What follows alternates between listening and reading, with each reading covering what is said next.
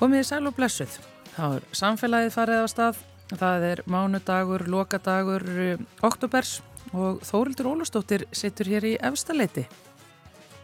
Og Guðmundur Pálsson fyrir framann Keks Hostel eh, við skúlegötu í Reykjavík. Ég ætla að hitta hér eh, Sýtrik Baldursson og Hrefnu Helgadóttur frá Útón. Mikið framöndan hjá uh, þeim ágætu samtökum núna í aðdraðanda erfefsháttíðarinnar uh, bransa veistla, svo kvöld framöndan meiru það hérna eftir smá stund Já, og við ætlum líka að ræða um hraðtísku. Við fatahönnuð sem hefur velt þeim málum öllum fyrir sér. Ungverðus áhrifum hraðtískunar, það er um, háhraða tískurísin CN sem hefur sett þessi mál enn og aftur í brennidebil. Já, eiginlega hreinlega fyrir að vera sá versti í bransanum af mörgu vondu og er þá nú mikið sagt. Og svo er það heimsókn úr Sapni Rúf, Helga Laura Þorstinsdóttir. Sapstjóri kemur hérna til okkar uh, með forveitnilega klippu um, úr fortíðinni þar sem að spákona spáði fyrir hlustendum og öðrum þekktum Íslandingum missi ekki af því. En uh, við byrjum á úttón hjá Guðmundi.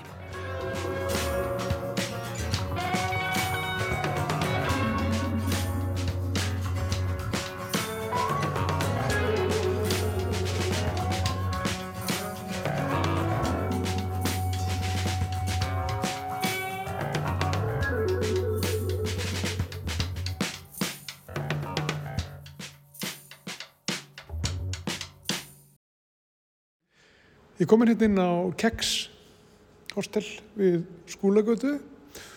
Náttúrulega tiltekið í Game of Tonic salin sem þar er. Og hér hjá mér eru Sittrikur Baldursson sem er framkvæmtastjóri Útón og hrefna Helgadóttir uh, kynningar og markastjóri Útón um, Getið þið sagt mér bara hvað stendur til núna í aðdraganda erfifs sem að, að fer að bresta á? Það er mikið prógram framöndan og Útón um, er aldrei svona að, að ég hef að segja að þessi gerir eitthvað breið. Já, við erum svona að reyna að hjálpa til með fræðslu fyrir tónlistafólk sem eru áhuga á útsettingi á sinni músik þannig að við erum svona með tvekja daga dagskrá sem stýður við yfir það álefni uh, Já, og það fælst í alls konar svona bara masterklassum og, og pallborðum og svona fræðslu alls konar og tengslamynduna fundum líka. Það er fundur hérna á miðgundaginn þess að þú getur bók Íslands Stórustad fólk getur bókað fundi við alls konar fólk úr bransanum alþjóðlega.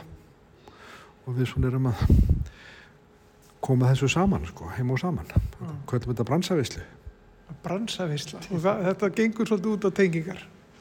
Já, þetta kom eiginlega til að því að við, eitt af hlutverkum úttón er í raun að hjálpa Æsland Erfefs að bóka erlenda faga aðala til landsins. En mikið tónlistafólk er mögulega bara að spila yfir þessi daga þar sem ráðstæfnan er og svo eru tónleikar um kvöldið. Þannig að einhvern veginn kom til að fá þetta reynda og fróða fólk sem eru komið til landsins aðeins fyrr og láta þau tengjast beint við bransan, íslenska bransan okkar. Meðan tónlistafólki er ekki með tónleikum kvöldið eða svo leiðis og þessi dagskraf er í raun opin, hún er fyrst og annan nógumber þannig að þriðt á mögudagi þessari viku og fólk getur skráð sig hvort sem það er að spila á erfisháttíðin eða ekki, hvort sem það er að miða á erfisháttíðin eða ekki. Þetta er rauninni bóði úttón, stef, tónlistaborgarnir Reykjavíkar og svo með stuðningi frá Íslandsstofu. Þannig að þetta er opið fyrir tónlistafólk á Íslandi. Og þannig að hittist sko bransa fólk sko, það er tónlistafólk að, að kannski fá tækifæri til þess að hitta alls konar fólk úr bransanum, en hvernig fólk er þá, hvaða, svona, hvaða fag er það? Hvaða fagaðilar eru þetta? Sem að fagaðilar eru að kynna. Nákvæmlega, þetta er gott orð, fagaðili, skemmtilegra sko heldur en bransi, það er svona, það er einhver svona tiggjólikt svolítið að bransa orðinu, alltaf, sjópulikt svolítið, en, en þetta er alls konar mjög flottir fagaðilar úr tónlistargeiranum sem eru kannski svona útgáðufélög útgáðufyrirtæki, þetta eru umbúsmenn, þetta eru svo kallur publisherar sem eru svona engar eginn höndrætsfyrirtæki og þetta eru uh, já, svo kallar music supervisorar sem er fólk sem er að kaupa tónlistin í bíómyndir og, og þætti og svoleiðis, myndefni og alls konar, já, og mér er þess að bladamenn. Þannig að þetta er svona, þetta er svona bland í póka af alls konar uh, fagaðelum úr tónlistarheiminum utan Íslands. Og við erum að reyna með þess að hafa svolítið skiptingum millir Európu og Bandaríkjana og Kanada. Þannig að við erum að reyna svona víka út tíðnisviðið aðeins. En er ekki að vera svolítið breytingar á einmitt eh, hvað hver gerir sko? Þú nefnir hérna ímis, ímis hugtöku við fólk sem gerir alls konar hluti eh, og þetta eru, eru þetta svona er þetta breytast sko? Er, er, er það liðin tíð einhvern veginn að þú gerir einhvern útgáfusamning við eitt fyrirtæki og það svona sér bara um þig? Já. Er þetta, hefur þetta breyst?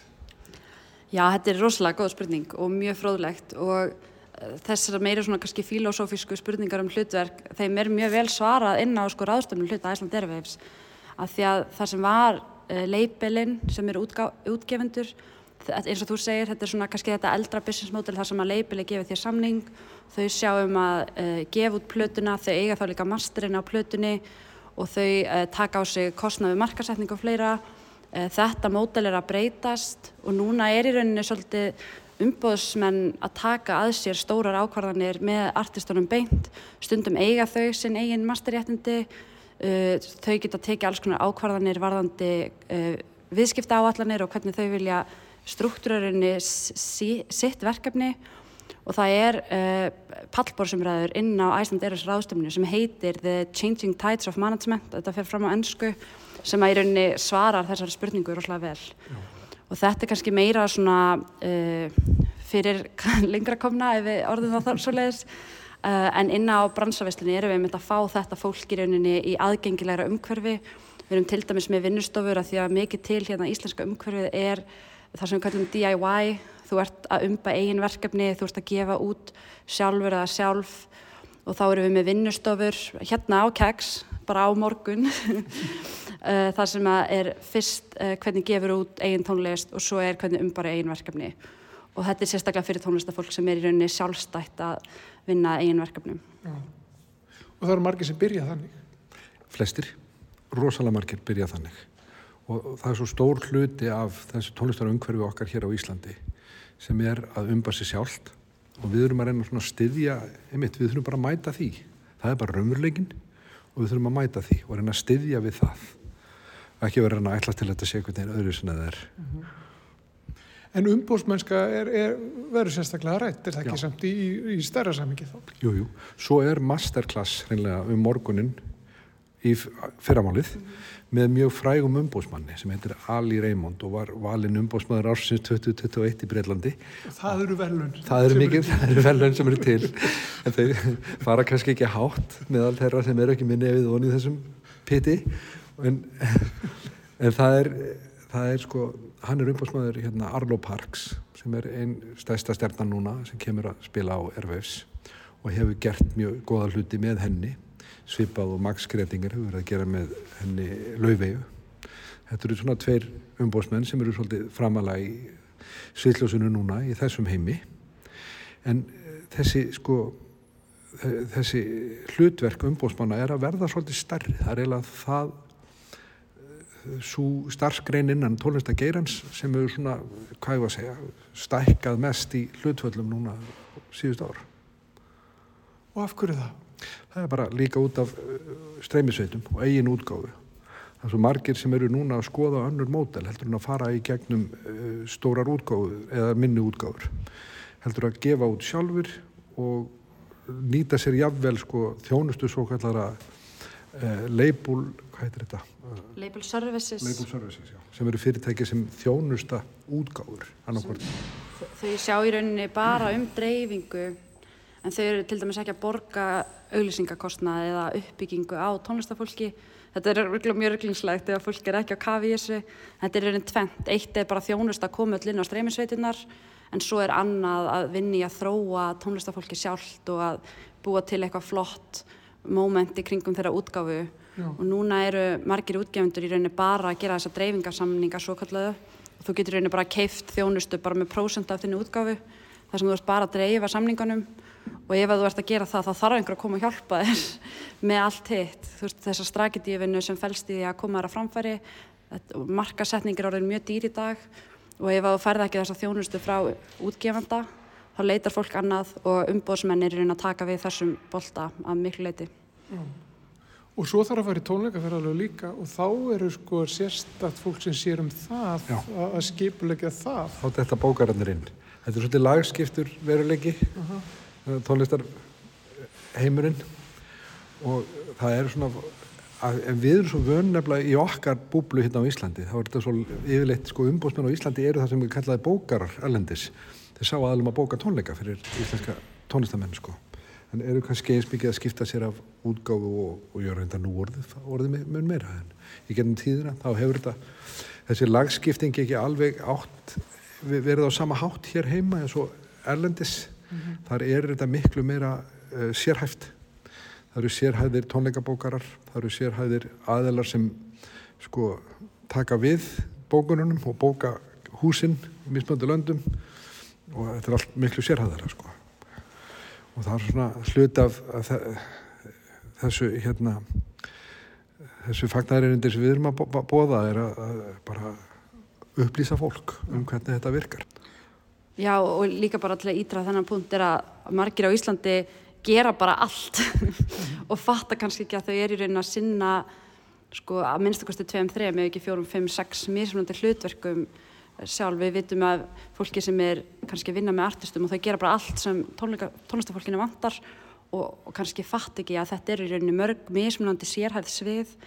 Þannig að það er í rauninni okkar hlutverk er að gefa fólki orðaforða og upplýsa þau hvað, hvað, hver, hvað fælst í hverju hlutverki og hvernig er best líka að snúa verkarskiptingu og, og svo leiðis En verður eitthvað eftir sko af, af innkomunni ef einhver er sko, í, í vasa tónlistamannsins eh, þegar hann þarf að borga sko Já. kannski fimm hérna fagaðilum það, það, það sem hefur verið að við hefum séð verið að gerast á síðust árum með þeirra streymisveitun taka meira yfir sem, dreifing, sem dreifing á tónlist er það að því sem, sem betni leið sem tónlistamæðurinn hefur inn á streymisveituna því meiri peningar hann að fá út úr henni.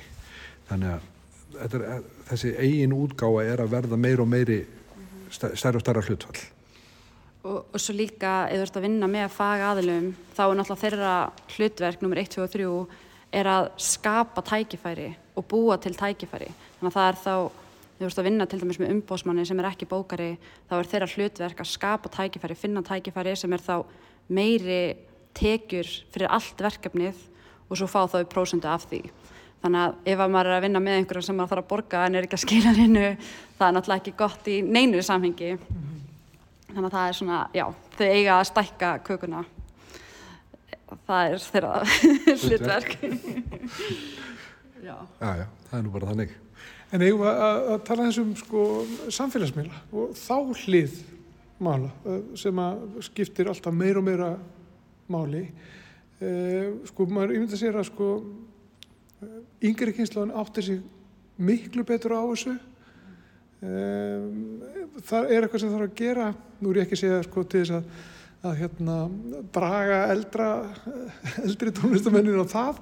En, en er svona, gerir fólk sér almennt grein fyrir því hvað þetta er mikilvægt og, og þar maður eitthvað sérstu gráð til þess að svona fóta sig þar? Og skiptir þetta mjög miklu máli? Já, ég var að hlusta á podcast í gær bara þar sem að vera að segja að það er eiginlega bara hverfandi tónlistafólk sem getur verið til bara sem sko upptöku, bara sem audio miðil, af því að það er farin að vera svo mikil pressa á að framlega vídeo eða myndefni eða svo leiðis en já, þannig að þetta er það er bara mjög mikil samkeppni um hlustendur. Og ef þú vilt koma þér í sterka stöðu þá er þetta bara mikilvægur hlutur af þessu púsli. En svo mjög áhugavert að horfa á til dæmis þessu laufegu sem við myndumst á sem að fer fram á að stýra sínum samfélagsmiðlum sjálf. Að því hún skilur að þessi tenging við sína hlustendur er svo mikilvæg að þetta er eitthvað sem að það er eins og þetta sé í sko fingrunum á henni. Mm -hmm. en fyrir kannski einhverja sem að hafa verið að gefa tónlist á plötum í 20 ár og svo kemur þetta í rauninni inn sem nývít það er alveg erfara samtal en það er náttúrulega fólk verður að taka einn ákvarðanir og stýra sínum verkefnum eins og þau passar þeim. En svo geta gerst hlutir eins og við sáum uh, Kate Bush núna nýlega með 40 ára gammal lag sem verður bara rosalega vinsælt og hún allt í hennu farin að toppa alla vinsættarista. Já, já. Þetta er gott dæmið um sko bara hvernig dreifiliðirnar er alltaf að breytast. Og, og að reyfingu, það eru alltaf á reyfingu sko. Og þessi bransi er rauninni rammin utan að mann er á stöður reyfingu og við erum alltaf að vera að elda svona eld, eld, elda sko. Og hva, hvernig er best að fyrir fólk að koma tólistunni sinna á framfæri? Og í rauninni eins og segir samfélagsmiðlar og annað slikt það bara bætist við í rauninni hefðbundar í dreifilegðir sem eru Já, nú eru sko samfélags, nei, nú eru hérna dreif, dreifiveitunar, Spotify og aðrir, odnir sko gömlu aðferðinar til að dreifa músík. En TikTok og, og, og, og samfélagsmiðlar eru nýjuleðinar til að dreifa músík. Þannig að við höfum öruglega eftir að sjá margar nýjar á næstu árum sko poppa upp sem við höfum ekki einu svona ímyndið okkur en þá Við höfum ekki ímyndun af Nei, það er, það er þeimlis farið að plasera músík og að mikið í veist, all, all, all, allt þetta myndefni sem við erum að framlega og það eru aukist svo óbúslega mikið. Og líka, líka tölvuleiki. Já, og svo séu líka einmitt það verður að setja tónlist inn í allt þetta sem verður að framlega og þú séu líka sko það bara búið að klippa eitthvað vídeo þar sem að eru kvolpar að leika sér eða eitthvað sko og það er alltaf músík undir. Alltaf og núna er, þetta er kannski svolítið annað samtal en við, við sáum það á Íslandi með Öldi Music var selt og það er núna verið að selja þessa katalóga, þetta er að fara, færast á færi og færi hendur. En þessi fyrirtæki eru núna með sko teimi sem að er að reyna að finna klippur úr gamlum lögum til að láta þær fara svona væral á TikTok af því að það eigur streymi á efni sem kom út einhvern tíma fyrir lengur síðan. Þannig að talandi um sko mjög svona til hlutverk það er bara eitthvað fólk einhverstaðar að fara í gegnum gömulög að reyna að finna einmitt hvað passar undir eitthvað kvolp að hlaupa. Þetta er svona, þetta getur orðið svolítið styrlað Já, þetta er náttúrulega, þetta er náttúrulega styrlað þetta er alveg styrlað villis Bransin er kannski doldið þannig, það ekki? Já, jú, þessi bransi hefur náttúrulega alltaf verið styrlað villis alveg frá því að, þú veist hérna Bílandir komið fram og Elvis og all, allt þetta, þetta er alltaf störtlega vittlis Þetta var alltaf ykkur æði. Þetta er alltaf ykkur æði sko. Bílaæði og rockæði og Og bóhallæði þegar stelpundu voru að brjóta sér framtenninnar þetta er náttúrulega kleikur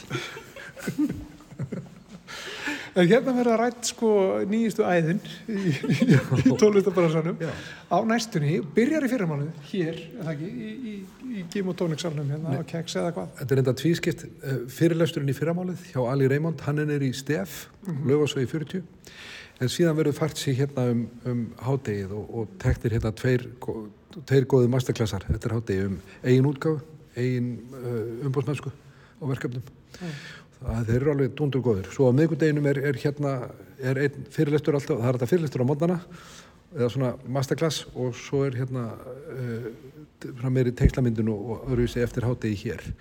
Tekslamyndinu og fundurum fyrir fram hérna eftir hátegi á miðgudegin. Og svo, og svo eru opnir viðbyrðir um kvöldið. Þannig að talandum umbóðsmennsku það er verið að stopna uh, MMF heitir það, þetta heitir Music Managers Forum sem er rauninni samtök milli umbóðsmanna Eh, það er verið að stopna þannig á Íslandi annarkvöld og svo erum við með pallbórsumræður sem eru líka opnur fyrir alla sem eru um uh, þetta publishing sem er einmitt þetta að koma tónlist í kvikmyndir og, og svoleiðis. Já, rauninni engar eginn höfundrætti fyrir þetta ekki. Ding dong. Já, þannig að við hvetjum fólk alltaf að mæta. Já, endilega, kíkja kíki bara dagskrána hjá okkur, hérna útón.is. Mm -hmm. Það er Bransæfislan í allri sinni dýrð. Já og þar getur fólk bara komist ókeipis í alls konar fræðslu og skemmtileg hitt Það er að ljúka þessu svona sýtryggur og, og refna hjá úttón gaman að fá að hitta ykkur hér í, á keks þar sem að stór hluti bransaveislunar sem er framöðan fer fram. Takk fyrir þetta. Takk.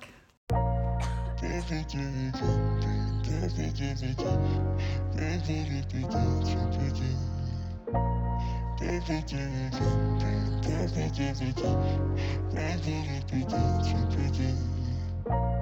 öllum kröftum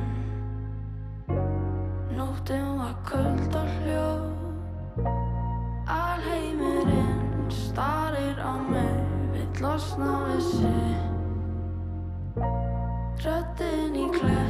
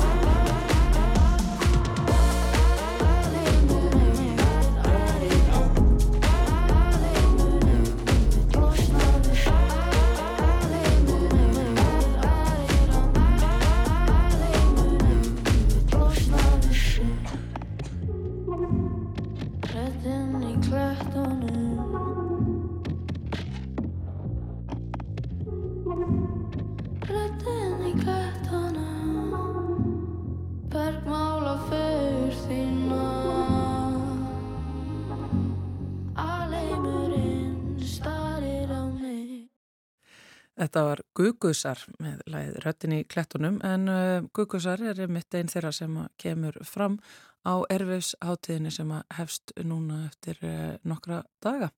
Spennandi. En að öðru. Svo kvölduð hraðtíska og umhverfis áhrif hennar er sífælt meira og meira í umræðinu og nú nýverið hefur staða og áhrif hraðtísku risans Shein eða Shein sem sérhæfur sér í netverslun sett málinn aftur í kastljósið. Hjá mér situr fatað hönnurinn Sunneva Elvarsdóttir sem að hefur skoðað hraðtísku áhrif hennar sælvertu. Sæl. Sko Sunneva, við byrjum bara á að tala um málmálana í dag sem að er Shein eða Shein, e, borið fram þannig Shein, e, hva, hva, hva, hvaða fyrirbæri er þetta eiginlega? Sko þetta er uh, einmitt netverslun með fatna sem er engungu á netinu Mm. og er alveg, sko verðin eru frá 250 krónum fyrir ból Já, já. og eru þá hvetja fólk til þess að kaupa bara heilan helling, bara öllum litum að því síðan að þetta passar ekki, þá bara losar þið við þetta Já. að því þetta er það ódýrt uh, þetta byrjaði 2008 uh, sem þá bara svona brúðarfatnaður en, en fór síðan bara síðustu árum yfir í þessa rosalegu hraðtísku Já. Og keirir þá áfram á þessum pælingum með sko netverslunana og, og, og, og íta undir kauphegðun í gegnum netiðurinn. Já, þetta er engöngu netverslun og þetta byrjaði mikið við varum verið að nota þetta í svona þessum hols eða það sem er semst á Instagram og YouTube að stelpur eru að kaupa eða, eða fólk eru að kaupa mikið magna fötum, opna það, máta til að sína. Já, ég fekk þetta Bara- og þetta og þetta. Já, emmitt. En þegar þú segir um þetta, veist, að það er verið svona íta undir það að kauphegðunin sé þannig að þú kaupir bara svolítið mikið og, og, og ef það passar ekki að það skiptir það ekki máli að því að þú getur það bara losaði við það. Já. Veist, af því að við töluðum um endursendingar og netverslun Já, hér í einmitt. samfélaginu síðustu viku. Já, Er er þetta þá endursetningar eða hreinlega bara henda þessu? nei, bara henda þessu. Henda þessu? Já, bara henda þessu eða maður sér þetta líka mikið í þessum loppumörkuðum Já.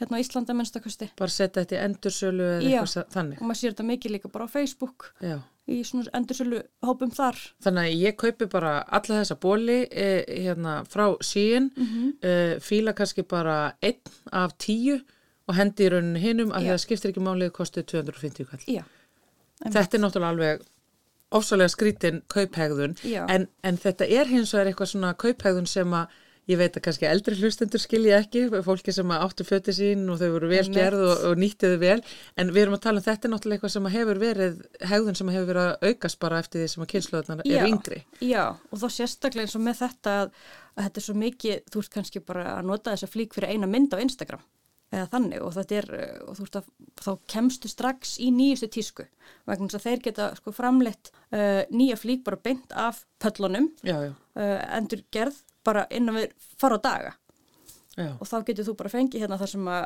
þetta mótil var í og, og sett þetta á Instagram og svo þarftu ekki að nota þetta aftur sko. Og þetta er þá líka að síin uh, vefverslu risin er sérstaklega að leggjast á uh, yngri kaupendahópin. Já, já, bara markasetningin. Það er, semst, eigandi síin er markasfræðingur og, og sérstaklega sko í leitarvíla bestun. Já. þar sem að þetta er allstaðar á netinu auðlýsingar ef þú ert yfir höfuð að vesla fatna á netinu eða vesla við hratísku veslanir að þá er þetta bara endalust í andlitin á þér á internetinu. Og svo eins og ég segi í gegnum alla þessa áhrifavalda sem að eru með þessi tísku halls eða hvað sem þetta hvað við hefum að kalla þetta á íslensku Alltilega, þannig að við erum búin að þá aðeins ræða um bara svona hvernig kauphegðunin er, en, en, en fötin sjálf, Sunneva, hvernig föti eru þetta sem að uh, sko, síðan er að eru, selja? þetta er bara allt. Og, og þetta er alltaf nýjasta tískan þetta fer rosalega hratt í gegn. Það er um sko 2000 til 10.000 nýjar típur af flíkum framleitar hverjum einasta degi þeim. Þannig að uh, en, en málið er að þetta er eiginlega allt úr polyester og þetta er eiginlega allt úr mjög skæðlegum efnum litað uh, með bara ódýrustu efnunum sem eru náttúrulega fulla blíi og, og þarlutum og, og fleiru en þetta er bara nýjast tíska Nýjasta tíska samt sko, eh, þannig að þú segir að þetta sé bara tekið eða beinta pöllunum, Mhm. þannig að þú sérði eitthvað bara mótæla á pöllunum hjá Já. nýjustu síningunni hjá einhverjum þessum tískurisum sko eins og Versace og þessum stórunöfnum og svo bara tekur og býr til bara ódýrari og lélegri Já. út, þú veist, þú stelur hönnun og Algjörlega. bara saumar einhvern veginn svona sirka það sem Já. að kemur út úr Já. og nota sirka litina þetta er þá næstu því samt þetta bara ekki svo gott sem eins uh, og það er líka mitt sem að uh, sín og, og fleiri hraðtísku verslanir hafa verið gaggrinda fyrir að þeir eru mjög mikið að taka frá ungum hönnuðum uh, sem að svona indie hönnuðum sem að hafa ekki tækifæri til þess að markasetja sig eða, eða neitt þannig og oft er þetta frá hinsegin samfélaginu og frá hérna þeldökkum hönnuðum sem, sem eiga bara mun erfiðara með að markasetja sig. Já þannig að Að þarna verið við bara með taka einhver svona markasrisa sem að stelur Já, og við höfum verið að sjá svolítið af einmitt hérna kærum frá þessum einstaklingum. Og hvernig hefur það gengið? þau náttúrulega, þetta er fólk sem hefur ekki hérna, efni til einhverja lögfræðinga gegn þessum risa. Þessi risi náttúrulega bara með eitt besta lögfræðiteimi sem þeir geta verið með sko. Já, en þú talar svona þarna um efnin sem að eru þá flest öll úr póliester sem að mann læri nú hérna með aldrinum að er ekki frábært efni Já, Uh, en, en það er líka bara litirnir og, og, og efnin sem eru notuð til þess að búa þau til. Það, það er eitthvað sem að hefur verið skoðað. Efnafræðingar hafa bara farið yfir. Já þetta, byrja, þetta var kanadískir uh, rannskomenn sem byrjaði þessu að skoða þetta uh, þar sem að hérna, það var bara einhver einstaklingur sem að hérna, spurði eða vildi, vildi fá að vita hvað væri actually í þessu. Já, og þetta er sérstaklega lituninn og síðan er þetta bara efni sem er notið til þess að mýkja hérna, textilinn já, sem að síðan þvæst úr bara í fyrsta þvotti og síðan alltaf endar þetta örplast allt í vatninu okkar og, og, og, og vatni úst, dýrana og, og bara Þannig þetta eru mjög mengandi efni í rauninni. mjög mengandi. Það meiri sér sko Nei, að sína fram á að af öllum hrattísku hérna, fötum að þá er síin eiginlega með eitrustu fötum. Þetta er bara það versta sem við höfum séð. Þetta er bara svartólíjan í, Já, í þetta hérna. er bara algjörlega hræðilegt sko. Það var hérna til dæmis bara í þessari rannsókn sem þau tóku Já. þá voru sérstaklega að skoða sko, meðgöngu fatnað og, og barnafatnað. Já, og það var til dæmis jakki fyrir hérna svona börn á 2-4 ára sem var 20 falt meira blí í heldur en er yfir heilsöfundumörkum. hvað er þetta? Og ég menna þetta sko, við erum að tala um að við erum náttúrulega að reyna að vernda börnin okkar við þetta PBA og öllu Einmitt, þessu sko. Þetta er þessu Já, hormonbreytandi já. efni, en svo er þetta bara í fötunum. Já, og þetta er náttúrulega sérstaklega skald fyrir börn og fyrir ófríska konur. Þetta var, Já, þetta var fannst í, þetta var í helmingi þeirra af fötunum sem þeir voru að rannsaka. Það var þetta í um helmingi þeirra voru skalega efni. Já, já. En svo er þetta þá líka sko, hérna, eh, annað sem hefur verið talað um, það er bæði náttúrulega hvernig eh, efnin eru framleitt, mm Mhm. veist, með eitrun og, og, hérna, og eru ekki neitt rosalega góð gæða efni. Mhm. En svo er þetta líka einmitt bara, það þarf eins og alveg miljónum manns til þess að sauma Já. þetta allt saman saman. Hvað er, að því að sko, við eiginlega gleymum að taka fram þetta er sem sagt kynverst merki, sko, Já, já, þetta en, en þó þetta merki, sé að ég fæla að fara að setja sig á, alþjóðamarkað. Er, er þetta allt framleitt í Kína og hvernig eru vinnu aðstæður þeirra sem Þetta að eru að búa allt til vera síðan vörurnar? framleitt í Kína. Það eru svona vísbendingar um það að það eru börn í vinnu aðna í versmiðunum.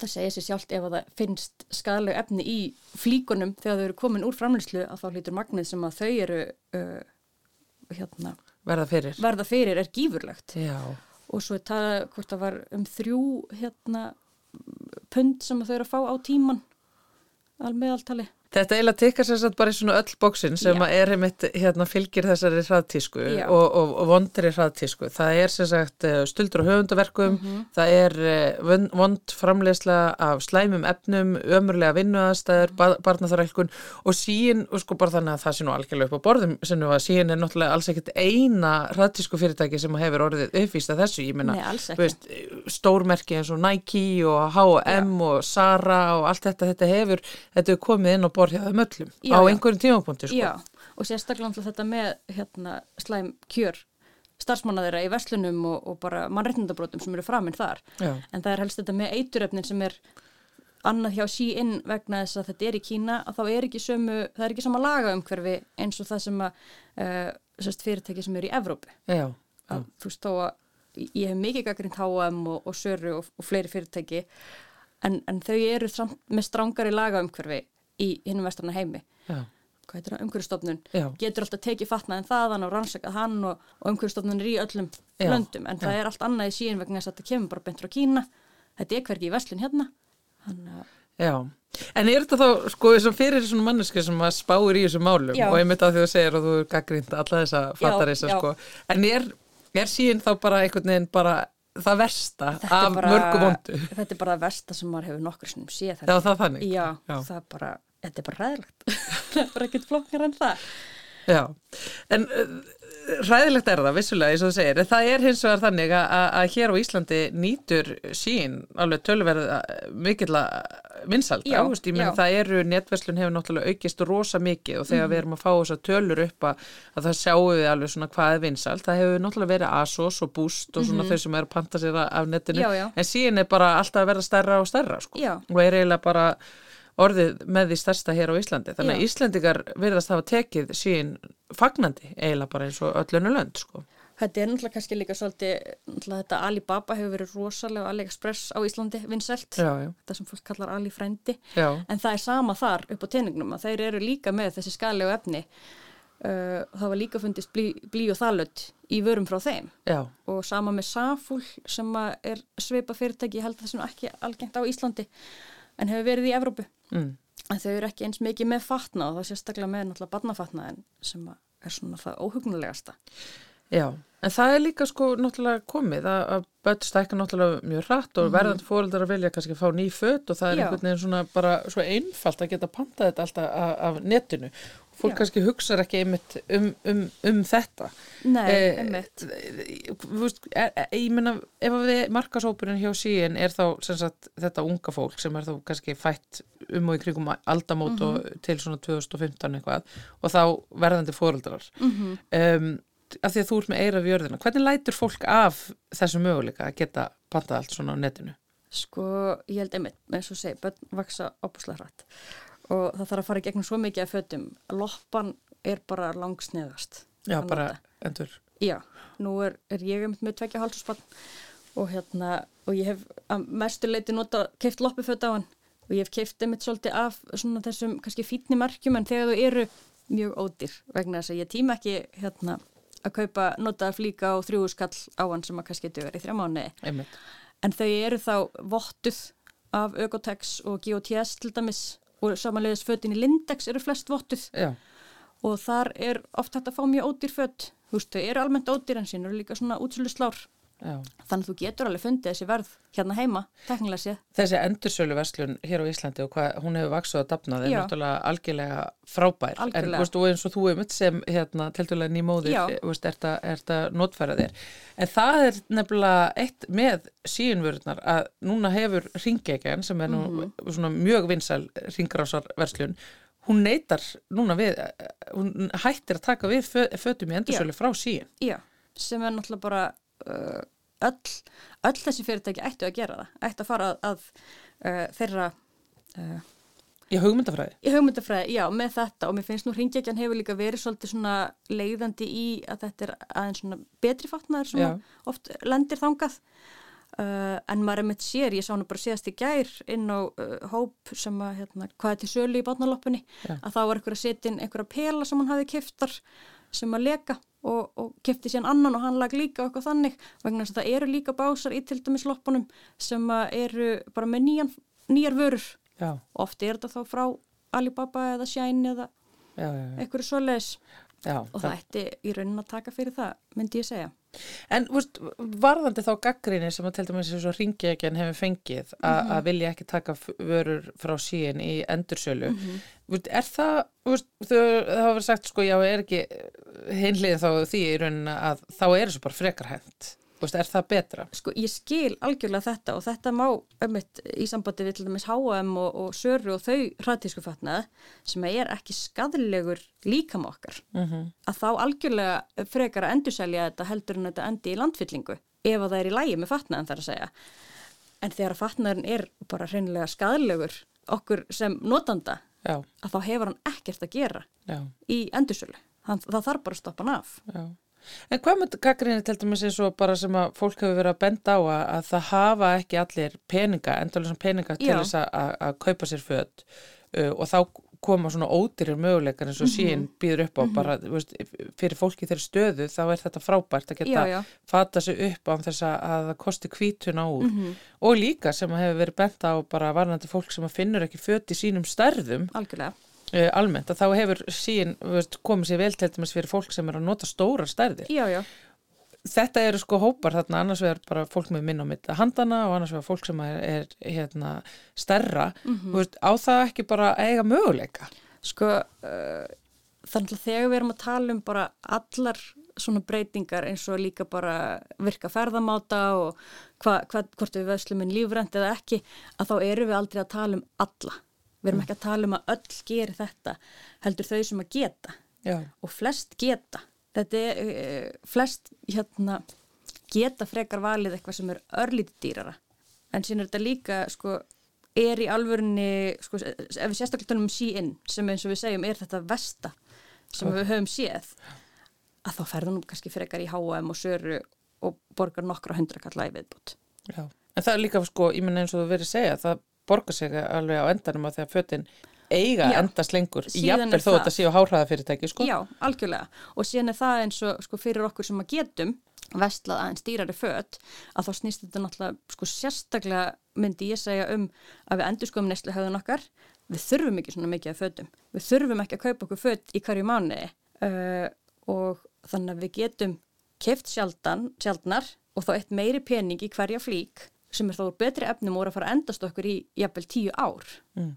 og þá syns þetta líka um að finna bara hvaða snið henda mér, hvaða litir henda mér þannig ég, mér líði vel í þessu í mörg ár Já, já. ekki þetta er nýjasta tíska og, og, og mér langar að vera í þessu núna fyrir eitthvað myndir en síðan eftir þrjá mánuði þá finnst mér þetta ekki lengur flott En erum við þá ekki einmitt komin út í það núna, Sunnuva, að Mhm. hérna, við þurfum einhvern veginn að kenna fólki og hjálpa því við að- finna sinn stíl og, og, og landa sínum svona fata veruleika þannig að það sé ekki á þessari hraðferð eftir hraðtískunni. Já, algjörlega. Og það er held ég svona aðal punkturinn og, og það sem að myndi gagnast flestum er þetta að einmitt, finna hvaða snið henda og allt það. Uh, og það var uh, kannski það sem að svona uh, það sem að ég var að tala um á Twitter í sambandi við þetta, ég var náttúrulega að tala um sí-in per se uh, að þá var ég að tala um þetta sem er kallað capsule wardrobe. Já, þar sem að þú uh, hérna ert bara með, það er listi yfir sko hversu marga buksur, hversu marga bóli þannig, en sko byrjunin er þetta 33 kerfi þar sem að þú uh, ferði gegnum bara allan fattaskapin þú vilja 33 flíkur fyrir utan allan nærföt og sokka sem þú ætlar að nota næstu þrjá mánuði. Restina tekuru og setur í geimslu og síðan eftir þrjá mánuði þá ferðu yfir þetta aftur og skipti kannski út eða það er annar loft, veðurfar eða, eða hvort að ég notaði þetta aldrei. Þannig að ég ætla að taka þetta í þú ert kannski búin að gera þetta í nokkra mánuði eða kannski ári eða eitthvað, að þá sérðu ég að ég tók aldrei þessa flík sem að segja mig kannski að, að þetta er bara ekki ég, þessi flík. Já, já. ég kannski kefti hana bara því að hún var í tísku þá en ég vil ekki, hef ekki áhuga á að nota hana lengur. Og þá öðlastu þekkingu inn á sjálfa þig og þinn persónlega stíl sem að hjálpa þér þá þegar þú þurft að kaupa þig ný fött já. Og líka þetta að hugsa ok, hvað á ég í fattaskapnum eða ert að kaupa nýja buksur, hvað á ég í fattaskapnum er þetta að fara að passa við það sem ég er með á ég eftir að þurfa eitthvað annað til að passa við þetta já. að við séum alltaf að hugsa um þetta sem heild fattaskapin á okkar en Já. ekki sem bara staka flíkur. Og þetta er einmitt málið sko, að, að hérna, við erum kannski of háð uh, því uh, hvað þetta tísku lið er alltaf að segja okkur. Við erum Mhm. Já. einhvern veginn dveljum ekki alveg nú örugi eigin skinni sem er nú kannski fullkomlega eðlilegt af því að það er sagt okkur Algjörlega. hverjum einasta degi ef við eigum alltaf að vera að skipta út mm -hmm. ytra byrðin okkar. Mhm. Já. en já, en þannig að þetta er hvernig fyllum við heila neyslu kynsluð af Mhm. bara einhverju svona sjálfsöryggi til þess að- að að- að finna sjálfa sig fatalega síðast. Já. Þetta er bara, ég veit ekki hvort að ég á að tala við fatahönnuð, ég er kannski að fá sálfræðing. Já, ég mitt sko ef við förum hérna, örlítið á persónulega notur að þá fann ég það bara nýlega hvað er auðvelt að detta í þessa grifju að kaupa hérna ódýrara, kaupa hraðtískuna. Já, þar sem að með, með uh, svona frekar ný móðir og þá breytist líka minn oft. já, þannig að ég lendi því bara að fataskápurinn passaði bara ekki. Já, og föt sem ég er búin að eiga í sko ára tugi uh, og hérna og, fyrsta árið þá var ég alltaf eitthvað já, nei, ég ætla ekki að kaupa því kannski síðan passa ég ekki í þetta eftir smá stund og ég fór að fá lánuð föt hér og þar en mér leiði ekkert vel í fötunum sem ég var í. Nei. þannig að það kom tímbundi sem ég bara, ég verða að finna eitthvað sem ég liði vel í. Og þá keipti ég einhverja buksur sem ég hefði ekki átt að kaupa í hérna, svona ódýrari verslunum. En þær líka döðu bara í hálft ár. Já, og, og þá bara brendi maður sig á þessu aftur og sá bara já, þess vegna ger ég þetta ekki. Bæði vegna þess að það er mjög óumhverfisvænt að, að, þurfa að henda fjötunum. Og, og náttúrulega bara, já fyrir mitt siðferði að þá kýs ég ekki að gera það sem maður veit hvað er þarna bakvið Já. Já, þetta er nefnilega eitthvað sem að maður þarf að hugsa um að því að það er eins og síðan er að sína fram á sem er náttúrulega bara versta en af mörgu vondu að þá er, þá er, við, þá er komið tilefni til þess að staldra við og, og það sem að síðan hefur hins vegar gert er það að það hefur þó og allavega aukið eh, meðvitund fyrir Já. þessum myrku hliðum Já. tísku eh, hérna bransans. algjörlega Sunniva, það var gaman að spjalla við þig. Takk kærlega fyrir Já. að koma í samfélagið Sunniva Elvarsdóttir Fatahönnur.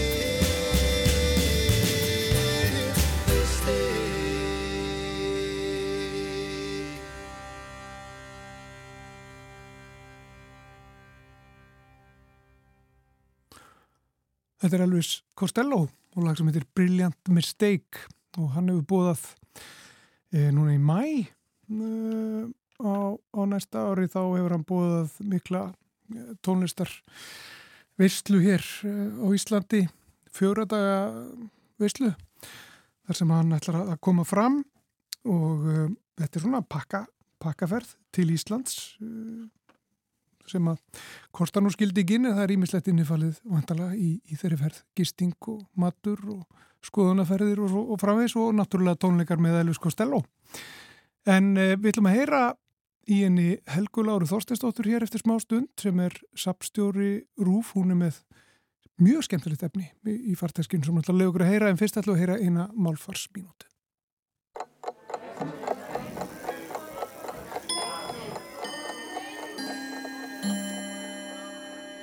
Við vitum öll hvað neyksli er, þótt okkur getur vafist tunga um tönn við að útskýra það. Og ekki gengur orðabókunum betur. Neyksli er skýrt sem það sem veldur neykslun, eða skandall. Skandall er svo skýrt sem neyksli.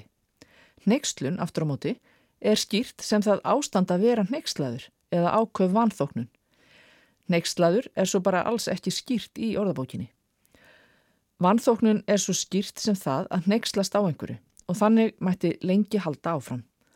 Þetta er einhvers konar ringskýringa flækja, hvert orð útskýrt með samheiti sem er svo skýrt með fyrra orðinu eða öðru sem er líka samheiti og skýrt með fyrsta orðinu. Þetta gerir að verkum að orðabækurnar kom ekki á þeim nótum sem þeim eru ætlið og ég er alveg neyksluð á því.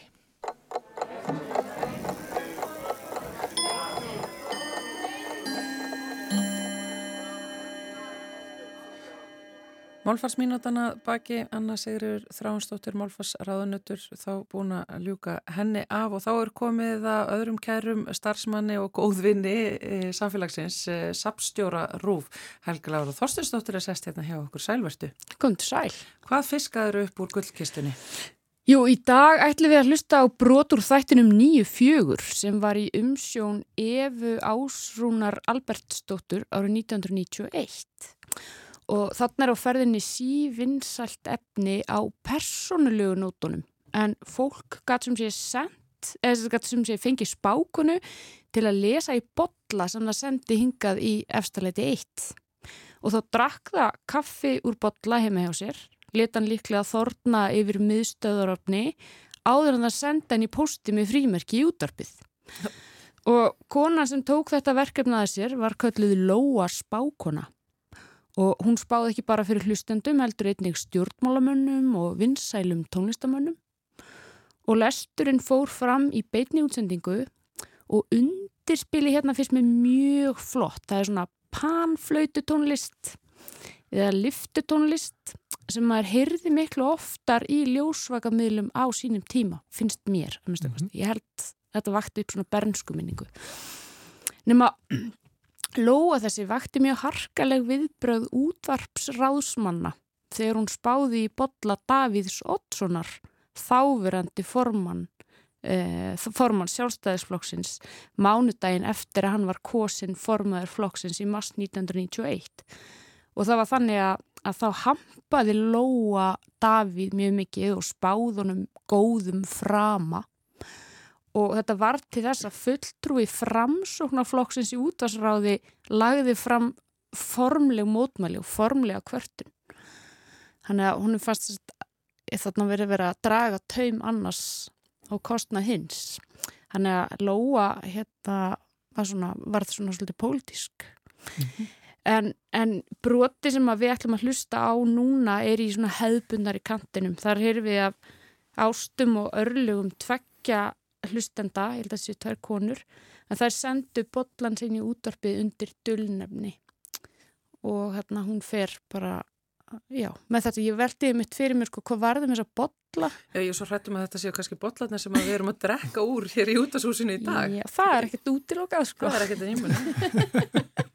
Við skulum að segja að það sé minnstakosti mjög ólíklegt en, en já, Já, skemmtari tilhúsun. Mhm. En e, þetta efni er náttúrulega þetta gamalt e, og hefur einmitt e, eflust verið vinsalt og einmitt vakið einmitt, einmitt mörg í því, ég segi mikið einmitt núna, Mhm. fyrir ekki e, pólitískar svona uppi, en er, mynd, heldur þetta myndi ganga í dag? Sko það eru þetta uh, verið að kjósa formann sjálfstæðisflokksins um næstu helgi þannig að það er kannski hugmynd hérna fyrir einhver að láta spá. Það getur gott útvarp. Það gæti orðið doldi vinsalt útvarp. Nei, ég veit ekki hvort þetta myndi gangi í dag. Ég veit það ekki. Nei. Ég væri alveg til. Já, þið bara, það er allavega hugmynd. hver áleir svo bollanum? Við finnum eitthvað í það. Já, já. Mm Og svo vantar líka bolla hérna upp í út á sús þannig að við byggjum bara fólk um að segja það eftir. Sendu þá ekki tilbaka. En þetta er semst frá 1991 Já, og þátturinn hétt uh, nýju til fjögur. Ég veldi fyrir mig hvort að Eva Ásson hafi sitið hérna í stúdíu frá nýju mótnana til fjögur í eftirmiddaginn. mm Það er svo eftir önnur umræða. Já, ekki, ekki ósannlegt. Og Þetta var rástvö. Rástfjö, já. Ég hef ekki að setja þetta bara í gang. Byrju, þetta byrjar nú á Michael Bolton í miklu stuði.